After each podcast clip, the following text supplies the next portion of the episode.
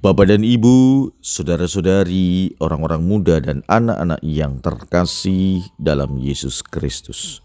Selamat pagi, salam bahagia dan salam seroja untuk kita semua berkah dalam. Bersama dengan saya, Romo Antonius Garbito Pambuaji menyampaikan salam dan berkat Allah yang Maha Kuasa dalam nama Bapa dan Putra dan Roh Kudus. Amin. Hari ini Rabu 4 Januari 2023 dalam hari biasa masa Natal. Bacaan pertama dalam liturgi hari ini diambil dari surat pertama Rasul Yohanes bab 3 ayat 7 sampai dengan 10. Bacaan Injil diambil dari Injil Yohanes bab 1 ayat 35 sampai dengan 42. Sekali peristiwa, Yohanes berdiri di tempat ia membaptis orang di sungai Yordan bersama dengan dua orang muridnya. Ketika melihat Yesus lewat, Yohanes berkata, "Lihatlah anak domba Allah." Mendengar apa yang dikatakan Yohanes, kedua murid itu pergi mengikuti Yesus. Tetapi Yesus menoleh ke belakang. Melihat bahwa mereka mengikuti dia, Yesus lalu berkata kepada mereka, "Apakah yang kamu cari?"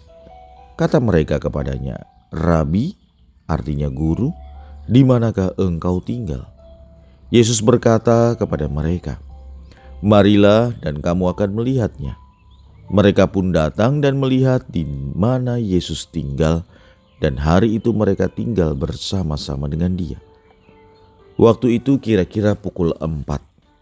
Salah seorang dari kedua murid yang mendengar perkataan Yohanes lalu mengikuti Yesus adalah Andreas, saudara Simon Petrus. Andreas mula-mula bertemu dengan Simon saudaranya dan ia berkata kepadanya, "Kami telah menemukan Mesias," artinya Kristus. Lalu Andreas membawa Simon kepada Yesus. Yesus memandang dia dan berkata, "Engkau Simon, anak Yohanes, engkau akan dinamakan Kefas," artinya Petrus. Demikianlah sabda Tuhan. Terpujilah Kristus.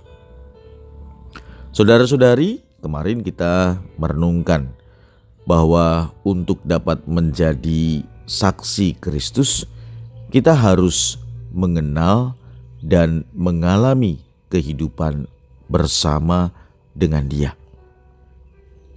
Dan hari ini Yesus menegaskan bahwa untuk mengenal Dia, kita harus tinggal bersama dengan Dia. Yesus memberikan pengalaman kepada dua orang murid Yohanes untuk tinggal bersama dengan Dia. Sebagai pengikut Kristus saat ini, kita pun diajak untuk mau tinggal bersama dengan Dia yang senantiasa melindungi kita dari godaan agar hidup kita tetap dalam persekutuan dengan Dia. Maka jangan ragu untuk tetap mengikuti Yesus, mengalami hidup bersama dengan Yesus, tinggal dalam Dia. Sebab Yesus jelas menegaskan, apa yang kamu cari, kalau bukan Dia, itulah yang kita cari. Marilah kita berdoa. Ya Bapa, semoga kami kau mampukan untuk selalu tinggal dalam diri putramu. Dan Yesus putramu pun tinggal dalam diri kami, sehingga kami senantiasa sungguh mengalami kasih karuniamu. Berkat Allah yang Maha Kuasa, dalam nama Bapa dan Putra dan Roh Kudus. Amin.